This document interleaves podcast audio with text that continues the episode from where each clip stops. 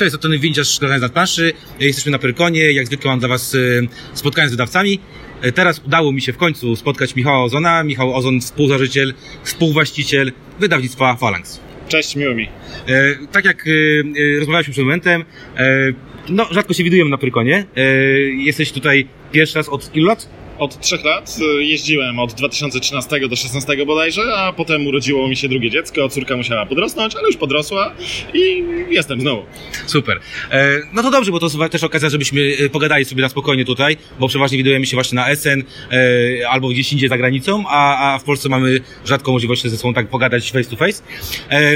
Najpierw pogadamy może o tym, co się tutaj stało dzisiaj, bo dzisiaj byliśmy na takim fajnym evencie przez Was organizowanym, na którym prezentowaliście e, dokonania swoich 10 lat, bo dzisiaj e, świętujecie takie oficjalne świętowanie dziesięciolecia firmy. Tak, dokładnie. Phalanx założyliśmy 21 kwietnia 2009 roku, zatem no, przypada właśnie 10. rocznica. Zorganizowaliśmy małą taką imprezę dla, dla mediów, zaproszonych gości, sklepów, po to, żeby opowiedzieć o tym, co przez te 10 lat się działo, e, o tym, co mamy teraz w naszej ofercie, o tym, co planujemy mieć w następnych, w najbliższych miesiącach roku. Dobra, to trochę, bo nasi słuchacze tego na, na tej spotkaniu nie byli, a twoja prezentacja na początku była urocza, bym powiedział.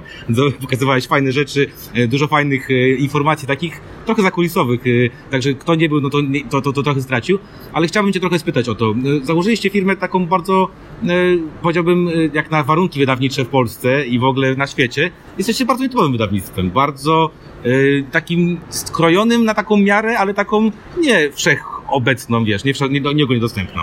Nie, to jest cały czas startup. To jest cały czas firma rodzinna, w której mm, no, staramy się jakby żyć własnym życiem i słuchać tego, co chcemy robić, co lubimy robić, czyli e, wydajemy gry bardzo niszowe, bardzo, dla bardzo jakby ograniczonego, ograniczonej liczby klientów i z tego powodu nie jest to w, dążenie do wielkiej masy, wielkiego marketingu. My raczej chcemy docierać do grup docelowych, yy, które nas interesują. nie? Dobra, a właśnie skąd ten pomysł na taką właśnie grupę docelową? Czy to jest, że wy jesteście po prostu, byliście od początku zapalonymi, nie wiem, y, ludźmi, którzy uwielbiają historię? Czy byliście może gośćmi, którzy grają tylko w, jakieś bitewniaki albo jakieś gry wojenne? Czy skąd to, skąd to się wzięło? No dokładnie tak, czyli, czyli my nie dość, że historia, to wojskowość, ale też geopolityka, konflikty e, i tak samo gry wybieramy tego rodzaju, czyli gry wojenne z zakresu wargame i conflict simulation. To są tematy, które zarówno mnie, jak i Jaro i Waldka, dwóch, dwóch e, pozostałych ludzi, którzy od samego początku stoją za E, zawsze kręciły. My się poznaliśmy przy tego typu grach e, i to, to było w lat, na pod koniec lat 90. i potem różne drogi, że tak powiem, różnymi ścieżkami doszliśmy mm, przez te 10 lat do tego, czym jesteśmy teraz, e, ale cały czas w sercu mamy, mamy gry wojenne, no i widzimy, że globalizacja, e, kiedyś to nie było możliwe, rynek polski był zawsze za mały dla gier wojennych, ale teraz globalizacja, internet, Kickstarter, e, możliwość prowadzenia przedsprzedaży online, światowe rozwiązania logistyczne, e, one pozwalają robić gry wojenne, bardzo dużą niszę, jednak no, ten świat jest na tyle duży, że próbujemy, oczywiście cały czas próbujemy, czy się z tej niszy będzie dało żyć i wydawnictwo skoncentrowane na tego typu produktach prowadzić. Okej. 10 lat, y, kupa czasu. Mówiłeś też podczas tej prezentacji o waszych wzlotach, upadkach, o, o tym, jak w ogóle dochodziliście do tej, do tej pozycji, którą obecnie macie, bo ona się, y, jak mówiłeś, zmieniła bardzo, bardzo y, na, na, na przestrzeni tych wszystkich lat. Chciałbym zacząć e, troszeczkę tak od takich pytań, e, e, takich właśnie cofających się, bo jako młode wydawnictwo wydaliście e, grę, która została uhonorowana y, najlepszą grą planszową roku. Mówię o Bożym Igrzysko, tak? E, to była taka dosyć duża gra, jak na takie małe wydawnictwo, bo to była chyba jedna z największych gier, którą na tamten czas w ogóle zrobiliście. Tak, największa, w sensie y, inaczej, to w ogóle była duża gra jak na polskie, warunki polskiego rynku w tamtym czasie. E, ludzie się dziwili, że to robimy, że podejmujemy tak duże ryzyko. My byliśmy przekonani, że temat związany z historią e, Polski, jak i nazwisko autora to udźwignie, no i gra w dwa lata się sprzedała, zatem udźwignęło, nie?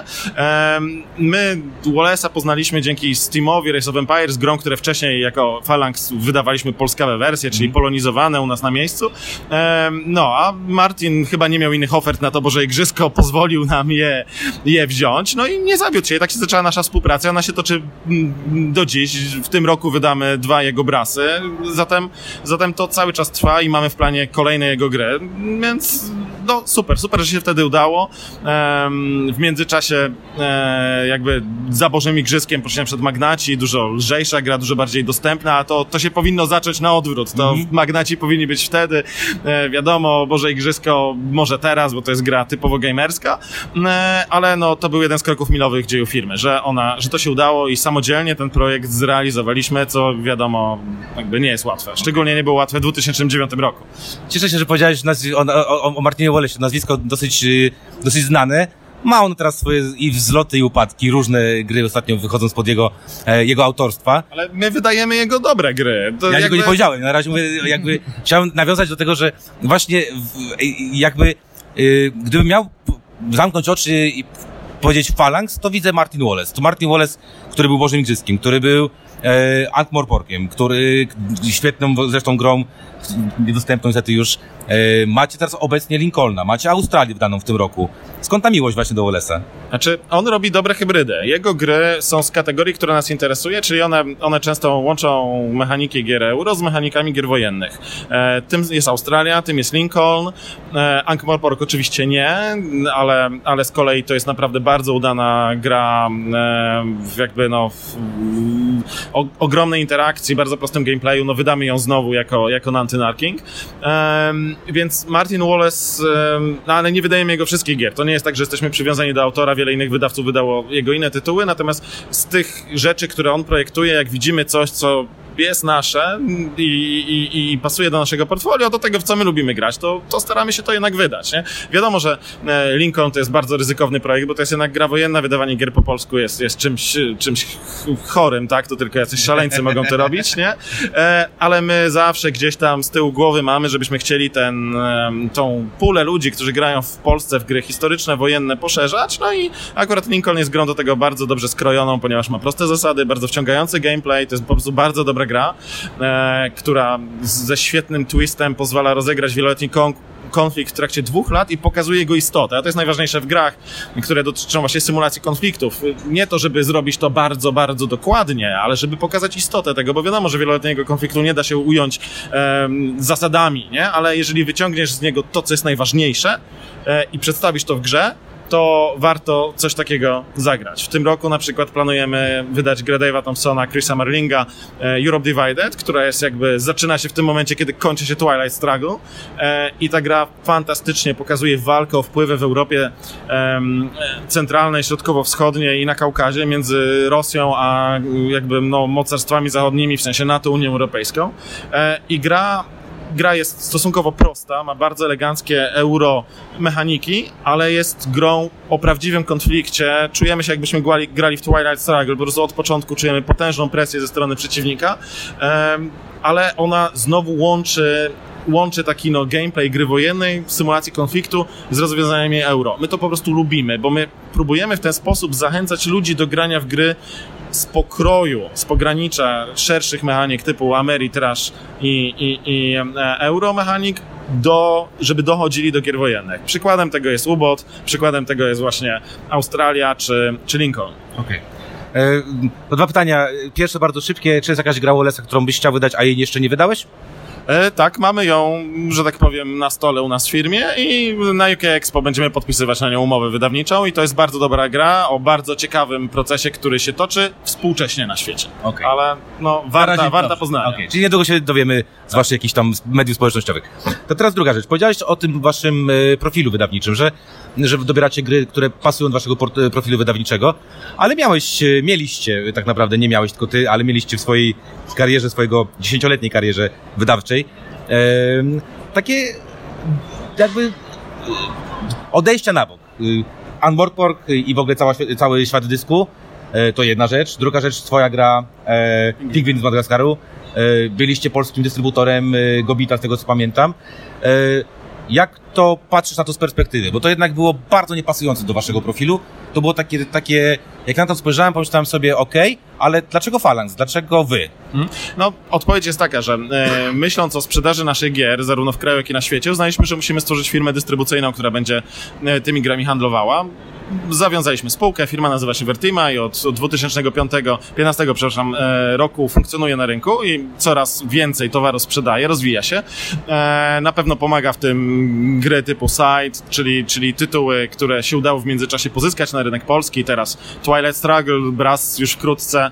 E, natomiast my potrzebowaliśmy również do naszego koszyka gier lżejszych i uznaliśmy, że żeby, nie wiem, jadąc na targi, na przykład B2B, pokazując naszą ofertę sklepom, e, księgarniom i tak dalej, musimy mieć kilka też innych e, pozycji, z innych kategorii. Stąd też e, współpracujemy i współpracowaliśmy z innymi wydawcami, czyli Vertima nie, nie dystrybuuje tylko Phalanxy, ale także na przykład wydawnictwo Helvetic w Polsce. Zatem, zatem mam tam inne tytuły, które umożliwiają komuś no, dobranie do zamówienia nie tylko tam jednego sajta i jednego brasa, ale dorzucenie do koszyka jeszcze kilku innych rzeczy. Wiemy, że w handlu, szczególnie dla mniejszych sklepów, jest to, jest to istotne, jest to ważna sprawa. I stąd te lżejsze gry. Natomiast to jeszcze były czasy, kiedy nie odważyliśmy się pójść na Kickstartera. W 2016, jak wydaliśmy Germanię Magnę, rok później Hannibala, rok później Ubota, e, widzimy, że e, ono globalizacja daje nam dostęp do klienta, na którego, którego zawsze szukaliśmy. Nie?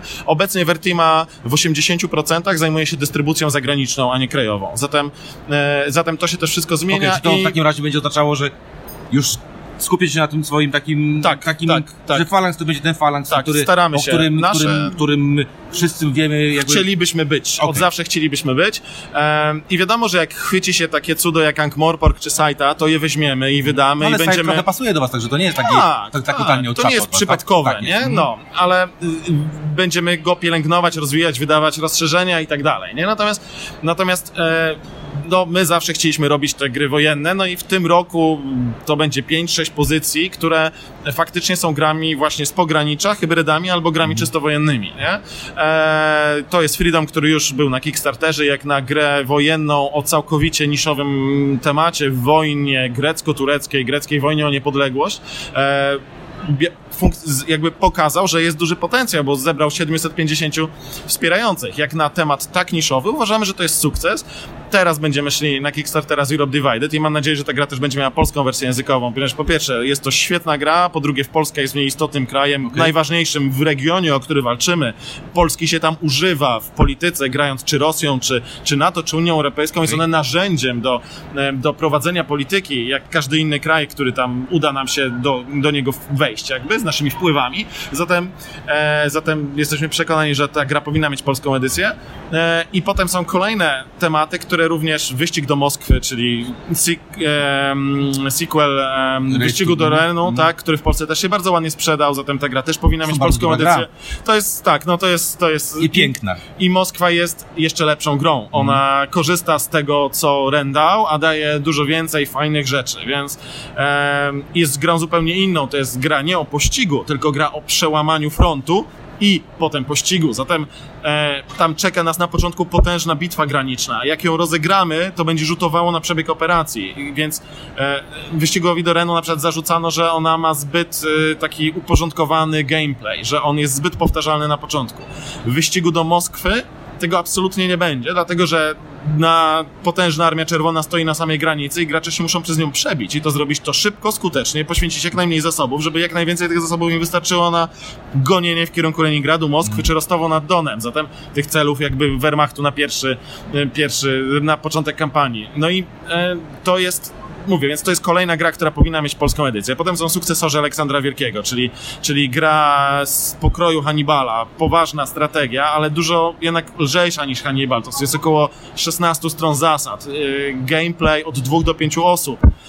My dodamy właśnie wariant dwu- i pięcioosobowy, żeby ona miała jeszcze szerszy, szerszy zakres. E, chcemy go ją wydać tak pięknie jak Hannibal, z, takim, z taką dbałością o szczegóły.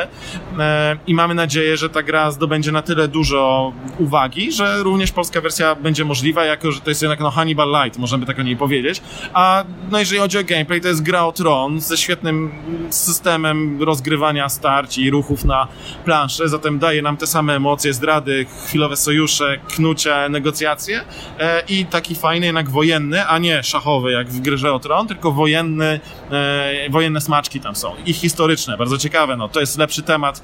Inaczej, gdyby Martin opierał się o e, sukcesorów Aleksandra Wielkiego, wojny Diadochów, a nie o wojnę dwóch róż, to by napisał jeszcze lepsze książki, bo rzeczy, które tam się działy, były jeszcze bardziej ekstremalne niż to, o czym on pisze, co jest wprost inspirowane wojną dwóch Mhm. róż, tak? Yorkowie i Lancaster, e, Lancasterzy w, w mm, średniowiecznej Anglii, nie?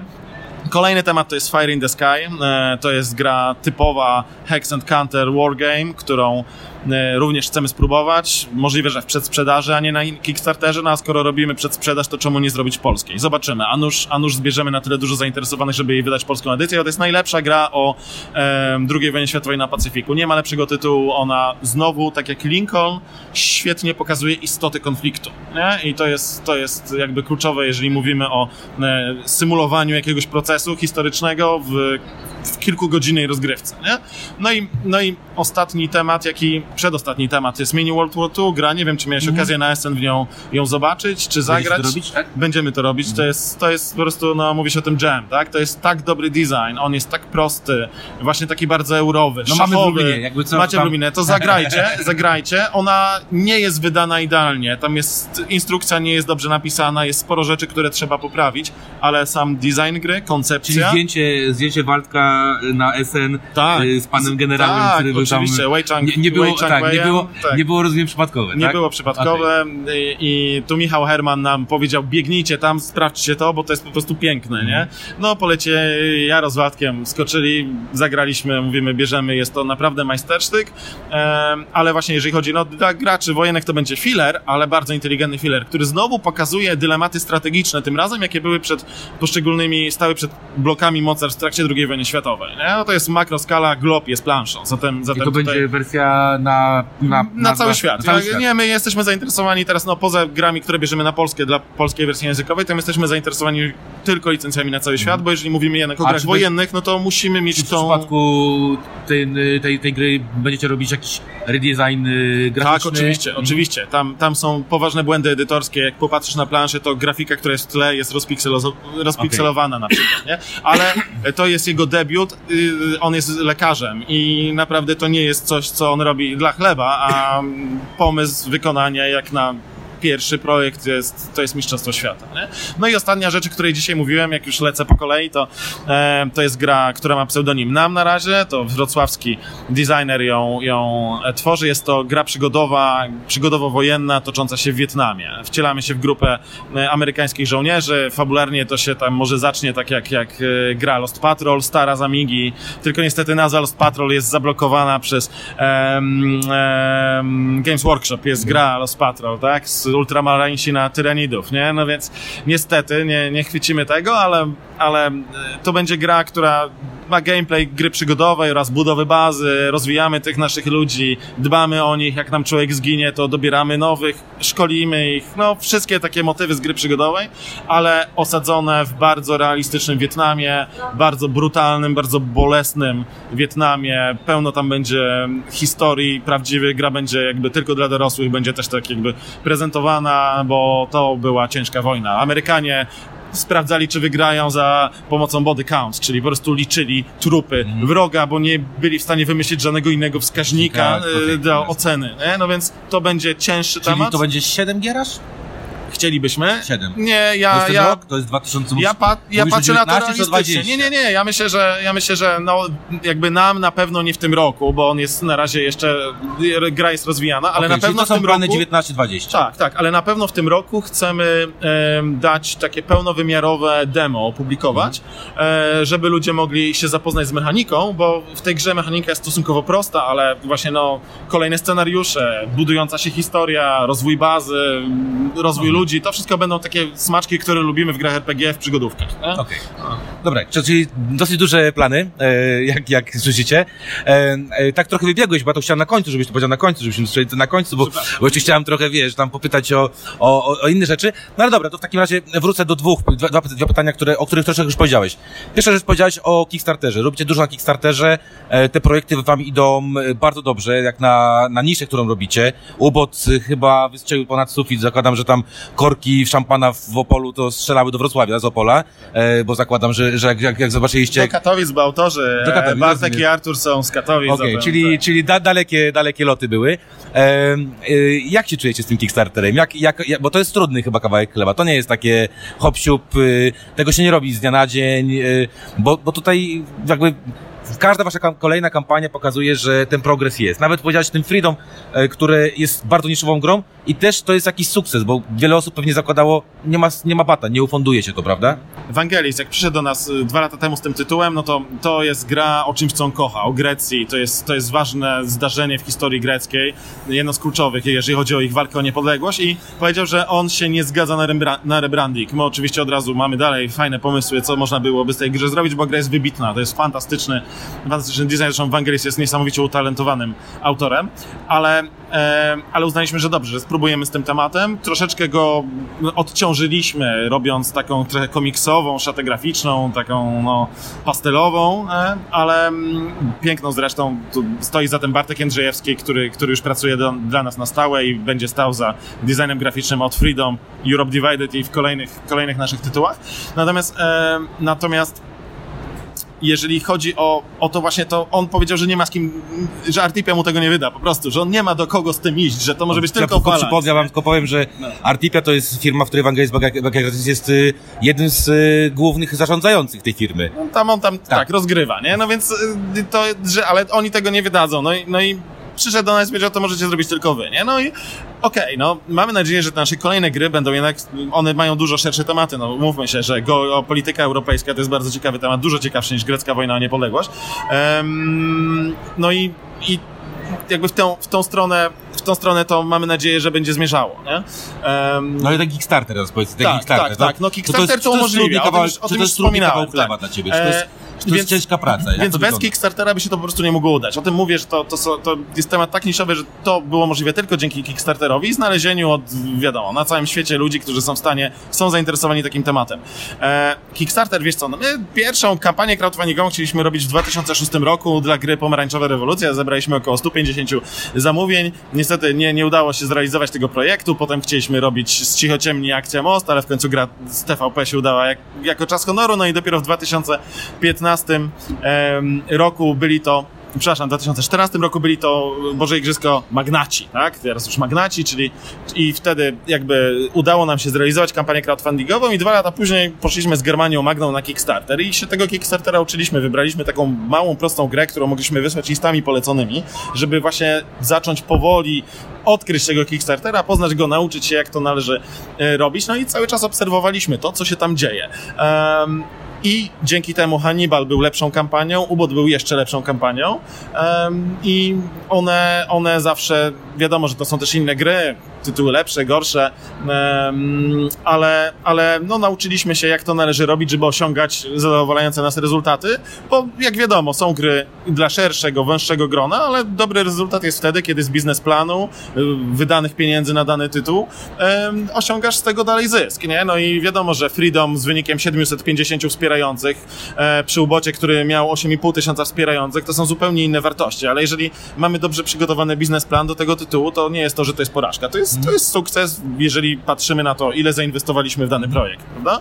E, a Kickstarter jest czymś niesamowitym. Śledzenie tego, co się tam dzieje, w jaki sposób wydawcy się zachowują, jest taki dosyć, teraz widać, że jest przyhamowanie, jeżeli chodzi o to, co się dzieje na Kickstarterze.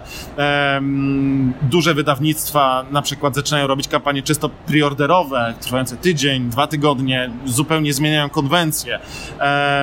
Zaczynają się kampanie nie udawać albo wychodzić na bardzo niskim poziomie, zaskakująco wystarczająco niskim w porównaniu do tego, co było do tej pory, a także Czyli rynek się uczy, nie? rynek się nasyca. Klienci. I klienci klienci się się uczą, nasycają. tak, jeżeli, jeżeli czekamy na gry po półtora, e, po półtorej roku i one dalej nie przychodzą, a wydawcy chcą, żeby ludzie wyłożyli kolejne pieniądze, a jeszcze nie otrzymali poprzednich gier, no to wiadomo, że to się w pewnym momencie e, No zahamuje. właśnie, a jak, jak, jak, jak robicie taki, takiego ubota, tam się wam wysypać milion rzeczy. Tak. Milion. To, No i wiele się jest- wysypało, dlatego gra do Stanów dotrze pół roku po obiecanym terminie, nie? Mamy początek maja, ona wtedy dotrze do wspierających, a miała dotrzeć w grudniu. Okej. Natomiast w porównaniu do e, zwłoki, jaką mieliśmy w Hannibalu, która była, była dużo dłuższa, jest, jest lepiej. Jest Mimo tego, że projekt jest o wiele bardziej skomplikowany, ale no, nasze wydawnictwo też się rozwija, mamy coraz więcej ludzi utalentowanych, którzy, którzy potrafią te wątki łapać e, i to po prostu to, to idzie do przodu, nie?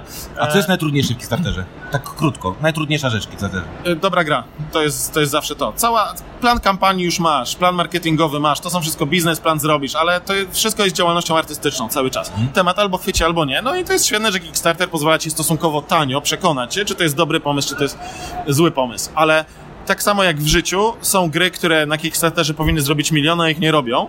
Tak samo są gry, które powinny się świetnie sprzedawać, a się nie sprzedają. Tylko no, dobrze się dowiedzieć o tym na kampanii Kickstarterowej, a nie wtedy, kiedy już nakład zrobione, odbierałeś tak, z drukarni, okej. nie? No. Rozumiem. Dobra. E, to kolejna rzecz jakby z tym Kickstarterem również. Zacząłeś już o tym obocie mówić. E, naprawdę potężny wasz projekt, e, potężna też gra, bo to jest kurde kawał gry. E, kawał gry, w której e, no, wprowadziliście pewną innowację, mimo wszystko. Jest to jakaś, w jakiś sposób innowacja, prawda? Ta aplikacja jest już znana, ale wy zrobiliście coś więcej, tak? To jest jednak, to nie jest taka gra tylko z aplikacją wspomagana przez aplik- aplikację, tak? kiedy, kiedy ogrywałem propo, prototyp z Rysławem, e, powiedział, że to nie jest planszówka, to jest RPG na planszy. nie? E, I o to chodziło autorom, tak? Oni, oni zamierzali e, stworzyć symulator, jako Artur, jako weteran Silent Huntera, on chciał stworzyć symulator, który e, pozwoli w jakiś sposób no, uzyskać wrażenia, które się ma, kiedy się w dawnych czasach służyło na ubocie. E, Inspirowany to jest oczywiście filmem Das Boot i tego typu relacjami podwodniaków niemieckich z czasów II wojny światowej. Więc tam nie mamy, tak jak mówisz, tylko aplikacji, która miałaby odpowiadać za to robienie klimatu, ale także poszczególne role ludzi, one są bardzo, e, bardzo asymetryczne i bardzo jakby mm, budujące imersję. Nawigator rysuje na mapie. E, pierwszy mechanik używa skrzynek i narzędzi, żeby wręcz układa puzla ze schematu ubota w jakiejś tam kryzysowej sytuacji. No, kapitan wydaje normalne rozkazy i kiedy gra się w tą grę w trybie wojskowym, gdzie zresztą ta, tak radzimy, że po wydaniu rozkazu, po osiągnięciu gotowości dochodzi do potwierdzenia tego i potem do jego wykonania, wtedy się widzi, że ta, to, to ma sens. Jakby, To jest imersja, nie? że, Jest ale imersja je, nie, nie dość, że jest imersja, to jest, to jest używamy wojskowej metody zarządzania, bo ona się sprawdza, czyli ta gra faktycznie przedstawia realia, które powinna przedstawiać, oczywiście w uproszczeniu, tak? Ale w tą grę grali oficerowie Royal Navy, którzy służyli na angielskich okrętach podwodnych. W nią grali oficerowie Royal Navy, którzy służyli na fregatach, które tropiły radzieckie okręty podwodne w czasie zimnej wojny. I oni mówili, że to jest zrobione dobrze.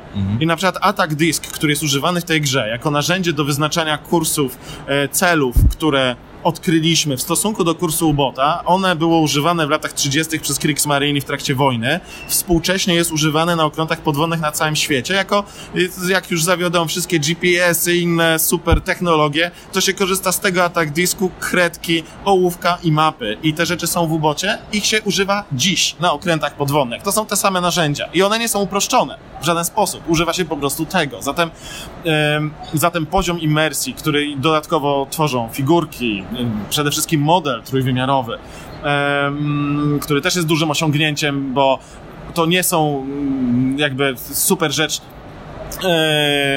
wagoniki, tak, w, w, Colt e, Expressie. Colt Expressie, tak, e, to jest rozwinięcie tego, no ten ubot jest potężny, on jest w skali 1,72, czy- czyli zajmuje prawie metr stołu, tak, nie? to faktycznie- tak jak powiedziałeś, że gra jest duża. Jak się nie? nie ma dużego stołu, to możecie, To się- to się, to się gra na podłodze przeważnie, Tak, tak? tak, Albo tak. w wannie można zagrać. No, ale to jest, to, to właśnie chodziło o to, żeby stworzyć to wrażenie i, i to się udało, nie? Mhm. Mamy bardzo dobre wyniki Feedback. sprzedaży, feedback jest bardzo dobry. No czekamy na dostawę do Ameryki, najważniejszego rynku. On się powinien wydarzyć w przeciągu dwóch tygodni następnych. E, I to będzie dla nas e, informacja, czy ta gra odniosła sukces, czy nie, czy to będzie większy sukces, czy mniejszy. E, Ale mm, teraz wyjdzie już finalna wersja aplikacji. Mam nadzieję 1.0, bo do tej pory ludzie grają na becie, zatem też nie mają pełnego, pełnego jednak jakiegoś tam wrażeń. No i trzymamy kciuki, żeby to Okej. się udało, bo sporo w to zainwestowaliśmy. No, świetnie powiedziałeś jeszcze o rynku, o rynku amerykańskim. Bardzo dużo osób y, pyta mnie i w ogóle komentuje to, że no ale jak to Phalanx, y, a zrobią to czy nie zrobią po polsku, a będzie po polsku czy nie będzie po polsku, e, a dlaczego tego nie będzie po polsku, a dlaczego wy się skupiacie tylko na rynkach niemieckim, nie wiem, francuskim, amerykańskim, skąd to się bierze i tak dalej. Czy mógłbyś tak bardzo krótko powiedzieć ludziom, dlaczego e, właśnie w tym kierunku idziecie, dlaczego to, bo ja wiem, tak, bo jesteśmy, w, w, też jestem wydawcą, więc wiem o co chodzi, dlaczego właśnie w tym kierunku się bardziej zwracacie i dlaczego trudno jest bardzo często zrobić polską edycję gry. E, Trudno jest zrobić polską edycję gry, dlatego że e, nasz rynek, jeżeli chodzi o tematy, które nas interesują, jest jeszcze mały. E, I teraz, żeby stworzyć grę wielkości ubota, jego komplikacji, to wymaga naprawdę lat testów, pracy. Są, to są potężne koszty, głównie osobowe, bo ci ludzie, którzy zajmują się grą, oni muszą z czegoś żyć w czasie, kiedy naprawdę poświęcają bite 8 godzin dziennie na jej stworzenie. No, tak, i teraz, jeżeli my byśmy mieli w Polsce sprzedać 1000, 2000 tej gry, to ona nigdy, ta produkcja nie udźwignie takich kosztów. Ale jeżeli na Kickstarterze sprzedajemy jej 8,5 tysiąca, to i dostajemy z wyprzedzeniem pieniądze, które umożliwiają nam rozwijanie tej gry i to nie y, ograniczając się cały czas, tylko właśnie według wizji, którą mieliśmy, bo sprzedajemy tam jednak wizję, zatem nie wszystko jeszcze działa, nie wszystko jest gotowe. Sprzedajemy pewną wizję, ale mamy pieniądze, żeby tą wizję stworzyć. Wiemy, że ona jest realistyczna, patrząc na biznesplan, patrząc na harmonogram pracy nad aplikacją i tak dalej. Zatem, e, zatem uderzając do większego grona klientów, jesteśmy w stanie w danej cenie zaoferować produkt lepszy, który jest bardziej rozwinięty, ambitniejszy i lepiej działający. Ale to nie jest tak, Michał, że, że wy mówicie, a Polska, nieważny rynek. To nie, to jest ważny rynek, dlatego UBOT ma edycję polską i wydaliśmy Lincolna. Staramy się jak najwięcej gier wojennych, historycznych wydawać e, po polsku. No, wydaliśmy piękną edycję, nową Twilight Struggle. E, chcemy wydać rozszerzenie do tej gry, które GMT Games już ufundowało u siebie na swoim P500. E, zatem, no, mm, to są my, bar, my jesteśmy z Polski, bardzo staramy się dbać o polski rynek, ale no niestety nie możemy wydawać No, rozumiem. niesprzedających macie się... też rodziny, macie, Oczywiście, macie no. proste rzeczy, jak trzeba kupić chleb, masło i, i ogórka. Dokładnie. No I właśnie, teraz, czyli e, to, to też pa- pamiętajcie, bo to dla was mówię, e, że to też pamiętajcie o tym, że wydawca to jest to normalny człowiek, normalny człowiek, który musi wyżyć i robienie 200 egzemplarzy gry po to, żeby sprzedać jej 150, to, to nie są czasy, Nie. kiedy można to sobie na to pozwolić. Nie, nie, nie, nie. nie to możemy... chyba, że się ma bardzo dużo pieniędzy i Znaczy my już zatrudniamy 10 osób, no to wyobraź sobie miesięczne koszty no ja prowadzenia pamiętam firmy. jak cię poznałem, e, was było wtedy chyba trzech i pół. Tak, to- tak że tak, tak, was było tak, mniej tak. więcej, No to- tak? no to teraz- I każdy jeszcze miał swoją jakąś tam swoją... e, Swoją obok- pracę, inny swoją temat, pracę, który tak, robił, tak? dokładnie, nie? Tak, no. ja pamiętam jak poznałem Michała, to bardzo fajny gościu i tak właśnie mówię, ludzie z pasją, ale, ale, ale powiem szczerze, że na początku nie wierzyłem w to, że to się tak rozwinie. I jak dopiero rok, dwa lata później patrzyłem na to, to zresztą świetnie widać na POSN, jak, jak, jak zaczynaliście e, w, w kanciapach, no nie oszukujmy się, w kanciapach, a teraz jesteście w jednej z największych hal, macie swoje stałe miejsce, każdy wie, gdzie jest falans, każdy wie, gdzie ma się kierować, jeżeli chce znaleźć dobrą grę, grę wojenną, czy też quasi-wojenną, bo, też, bo, bo, bo to tak możemy nazwać, prawda? No dzięki, tak? Znaczy- miło mi, ale to jest 10 lat pracy, to 10 nie? lat, no właśnie, i ale czyli, czyli pracą da się, da się to osiągnąć, prawda? Da się to wydeptać, no i też trochę szczęścia mieliśmy. Mieliśmy szczęście z Ankh-Morpork, no mieliśmy szczęście z Sightem, mieliśmy szczęście z Hannibalem, to nie byliśmy jedynymi, którzy chcieli te gry No wiesz, no wydawać, nie? to też piękna, No. nie oszukujmy się, piękna... Y, Terry Pratchett jednak jest mega znanym y, pisarzem. Y, no już nie żyje niestety, ale jego, jego proza dalej się świetnie sprzedaje. Tak, tak. Także, a gra też się broni. Gra się broni, dlatego wydaliśmy ją znowu jako Antinarking, bo to jest po prostu świetna gra. My tak wiele razy ją demowaliśmy, tak wiele razy ją prezentowaliśmy ludziom i ludzie ją po prostu wstawali od stołu i albo ją kupowali, albo chcieli grać jeszcze raz. To były generalnie dwa, dwie opcje, nie? No, więc, e, a potem i tak kupowali. Zatem, no, ona musi wrócić na rynek, bo to jest za dobry design. żeby się marnował, a oczywiście jako Falang zrobiliśmy z niej taką mroczną, historyczną, li, historia, literatura, wiktoriańska Anglia i tak dalej, nie? No więc mm, nie, nie wydaliśmy jej o kucykach, nie? No, też takie pomysły były, nie? No. Okej, okay, no ale dobra, mówimy teraz, macie te, te sukcesy się tam y, u was naprawdę pojawiają. E, nie to nie tylko wasze gry, ale również y, i gry, które pozyskujecie licencję, bo Saif to jednak, jednak y, jeden z największych hitów światowych, to nie tylko mówię na, na rynku polskim, ale światowych. E, teraz ostatnio Lot of Hellas, współpraca z Awaken Realms, czyli nie zamykacie się tylko na swoje, na, na swoje e, designy, ale w waszej twojej pracy też pojawiają się różne fakapy, no nie oszukujmy się, tak? Fakapy, czyli przestrzelona gra. Nie wiem, ostatnio bardzo na, na, nagłaśane problemy z, z tłumaczeniem Twilight Struggle, tak? Gdzie, gdzie, gdzie tam ludzie mówią, że o, ktoś tam y, nie pasuje. Tak. Jak na to patrzeć z perspektywy wydawcy? No, e, to jest tak, że e, jeżeli popełni się błąd, który, e, no tak jak na przykład w przypadku Wiedźm, że to był błąd w drukarni, która, która po prostu zalała farbą miejsca, które miały nie być farbą zalane, no to, no to okej, okay, no wydarzyło się, jest nam przykro, nie ma o czym dyskutować, nie? Natomiast jeżeli na przykład mówimy o Twilight Struggle, to tak, no niestety jest tam jedna pomyłka merytoryczna, za którą odpowiadamy, rata zaraz się tutaj po pyrkonie powinna pojawić na internecie, natomiast, natomiast jeżeli chodzi na przykład tłumaczenie, które zrobiliśmy całkowicie od zera, jakby celowo nie chcąc korzystać z tego, co przygotował w tych kolejnych kolejnych edycjach Bart, e, z racji bardzo prostej. Tłumaczenie to jest utwór autorski tak, no nie i nie wolno, nie wolno tych rzeczy łączyć, to absolutnie byłoby nie fair po prostu i nieeleganckie. Sprawa, jasne, my, my nie, nie, nie, nie, nie. Uznaliśmy, że to po prostu trzeba zrobić jeszcze raz, szczególnie, że GMT Games wykonywało zmiany w międzyczasie w instrukcji i na przykład istotny warunek zwycięstwa został zmieniony, czyli jeżeli kończymy grę e, z kartą scoringu w ręku, to grę e, przegrywamy, a kiedyś, kiedyś wygrywaliśmy, tak? No więc, no więc są rzeczy, które jakby mogłyby wtedy nam umknąć, zatem wzięliśmy wszystko zrobiliśmy od zera, a no z całym szacunkiem, ale tłumaczenie jako utwór e, jest, e, ono podlega oczywiście krytyce, ale ona, ona jako utwór wynika z pewnej wizji i pewnej wiedzy. My swoją wizję na temat tego, jak ta gra powinna być przetłumaczona, jak i pewną wiedzę na temat geopolityki i zimnej wojny posiadamy. I w związku z tym tą wiedzę i wizję chcieliśmy pokazać, a rynek nam powie, czy zrobiliśmy to dobrze, czy źle. E, no, gra sprzedaje się świetnie, jako że produkowana jest w Polsce, to nie musieliśmy ogłaszać, że nakład się już wyczerpał i czekamy na dodruk, tylko od razu zleciliśmy dodruk, tak? Nikomu o tym nie mówiąc, zatem udało nam się zrobić tak, że gra cały czas jest dostępna. E, I, i no, jesteśmy bardzo, bardzo chcemy wydać rozszerzenie do tej gry i mamy nadzieję, że nasza wersja tłumaczenia się obroni, a e, mówię, a no, ten błąd, y, błąd naprawimy, Jasne. naprawimy ratą i tyle. No, błędy się zdarzają, jest to potężna gra y, z potężną instrukcją i tam jest się gdzie pomylić, o czym świadczą jej kolejne edycje, w których zawsze był jakiś unikalny błąd i za pomocą tego błędu można było stwierdzić, która to jest edycja, prawda? E, I no taka karma jest dla tego tytułu. Jest nam bardzo przykro, chcieliśmy ją wydać bezbłędnie i tą zatrzymać to fatum, które ciąży nad tym tytułem. Mamy nadzieję, Może szósta edycja. Może, może szósta edycja to Albo siódma, bo to będzie Lucky, Lucky Seven, wiesz. Nie, szósta, szósta, nie? Dobrze. Zróbmy to w szóstej, okay. Dobra, to teraz Michał jeszcze takie, e, zawsze zadaję takie pytania, nie wiem, czy ty kiedykolwiek słuchałeś takich naszych wywiadów, ale, tak. ale takie bardzo proste pytania, bo trochę bym chciał odejść od tego, od falanksów, a trochę pogadać o, o tobie, Michał. O ulubiona gra. Moja ulubiona gra? E, wiesz co, pisałem o tym kiedyś na planszy. E, moja ulubiona gra to jest Fires at Midway. To jest gra o pojedynku lotniskowców na Pacyfiku z II wojny światowej, z racji tego, że to jest mój jakby historyczny konik, temat, który kocham. E, jest to fantastyczna symulacja tego, w jaki sposób wyglądały bitwy lotniskowców w tamtych czasach. Tam jest kilka scenariuszy, bitwa pod Midway, Morze Koralowe i tak dalej. E, z wczesnego okresu wojny, kiedy te starcia były wyrównane. Ta gra daje niesamowicie dużo emocji, dużo tam rzucamy kostką, e, ale też dużo planujemy, rzucamy kolejne fale na wroga, przyjmujemy samoloty na pokłady.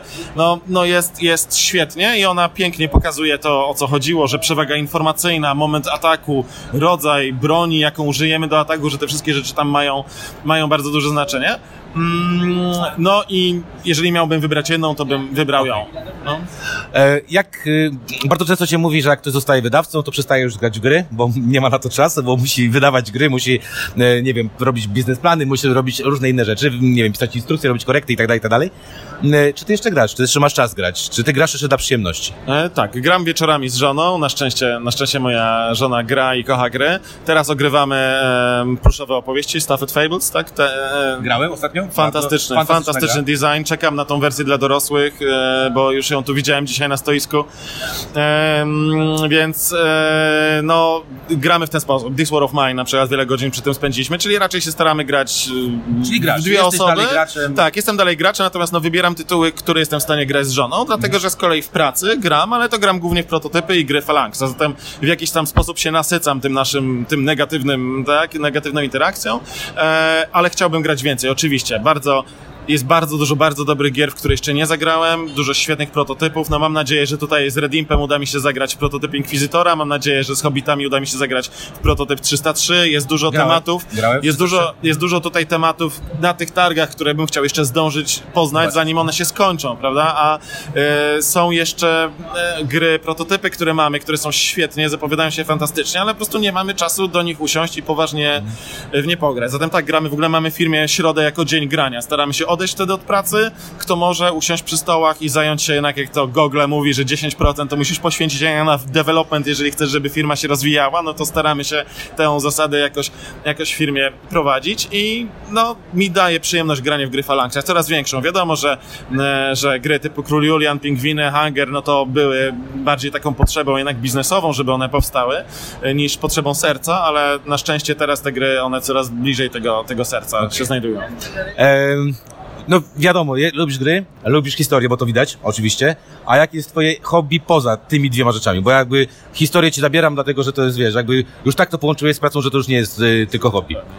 Mm, Co jeszcze lubię? Wiesz co, e, lubię broń palną, zdarza mi się trochę postrzelać, nie mam jeszcze pozwolenia, ale jak już, no inaczej, teraz moim hobby były dzieci, nie? No bo pięciolatek, y, trzylatka, no to pięć lat w sumie wyczyszczone życiorysu, dzieci plus praca, wiesz zresztą jak to działa, nie? No, wiem. No, ale jako, że się zbliżam w stronę czterdziestki, no to gdzieś się pojawi ten tak zwany kryzys wieku średniego, czyli ten czas, kiedy dzieci faktycznie trochę podrosną, będą bardziej samodzielne i będzie można znowu wrócić do rzeczy, które się kocha, więc na pewno, na pewno będzie to pozwolenie na broń, będzie to żeglarstwo, e, rzeczy, które wyciągają z domu, bo, bo siedzę dostatecznie dużo w domu czy przy komputerze.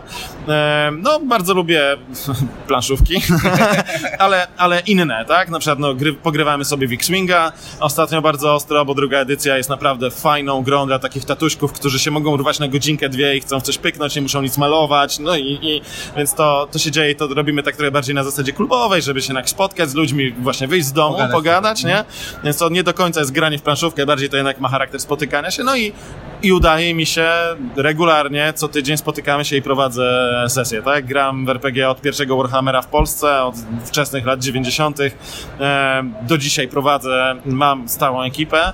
Gramy 2-3 godziny w tygodniu od 21.30, 22.00, kiedy dzieci Jak się śpią. uda... Tak, bo to wszyscy już tam mają dzieci, nie? Lata nie przerwaliśmy, ale wróciliśmy do tego, no i no więc dajemy radę dociągnąć do pierwszej może, nie? Bo rano i tak trzeba stać do roboty, ale już dwa lata lecimy i daje mi to bardzo dużo satysfakcji. Czy ty jesteś nie dość zapracowanym człowiekiem, to jeszcze masz... Mam niestety, mam jeszcze hobby, w związku z czym, no, przegrywam wieczory. Plus jeszcze i- dzieci, no to Tak, no, tak, tak. I- rozumiem, że nie śpisz w no, ogóle. no nie no, no, zagramy w żonę właśnie w This War of Mine, no to jeszcze jeden dzień zróbmy, no to jeszcze jeden dzień zróbmy, nie kochanie, ja w ogóle już muszę iść. No, no, no, bo jutro idziesz grać w RPG, no cię chcesz wyspać, nie, nie, jeszcze jeden dzień, nie, no i dobra, no to idę grać w RPG, no i tak dalej, i tak dalej, a potem na X-Winga, no i... Rozumiem. e, Rozumiem. Okej, e, słuchaj, no to bo już gadamy bardzo długo. E, jak macie oczywiście pytania, zadajcie pytania, postaram się z Michałem jakoś ewentualnie mu przekazać te pytania, ale e, takie ostatnie pytanie. E, Jesteś 10 lat y, w biznesie, tak już takie, nawet więcej, bo to tak, to nie jest takie równiutkie 10 lat, to, to nie oszukujmy się, to było trochę wcześniej, początki były dużo wcześniej, E, te 10 lat to jest takie formalne 10 lat.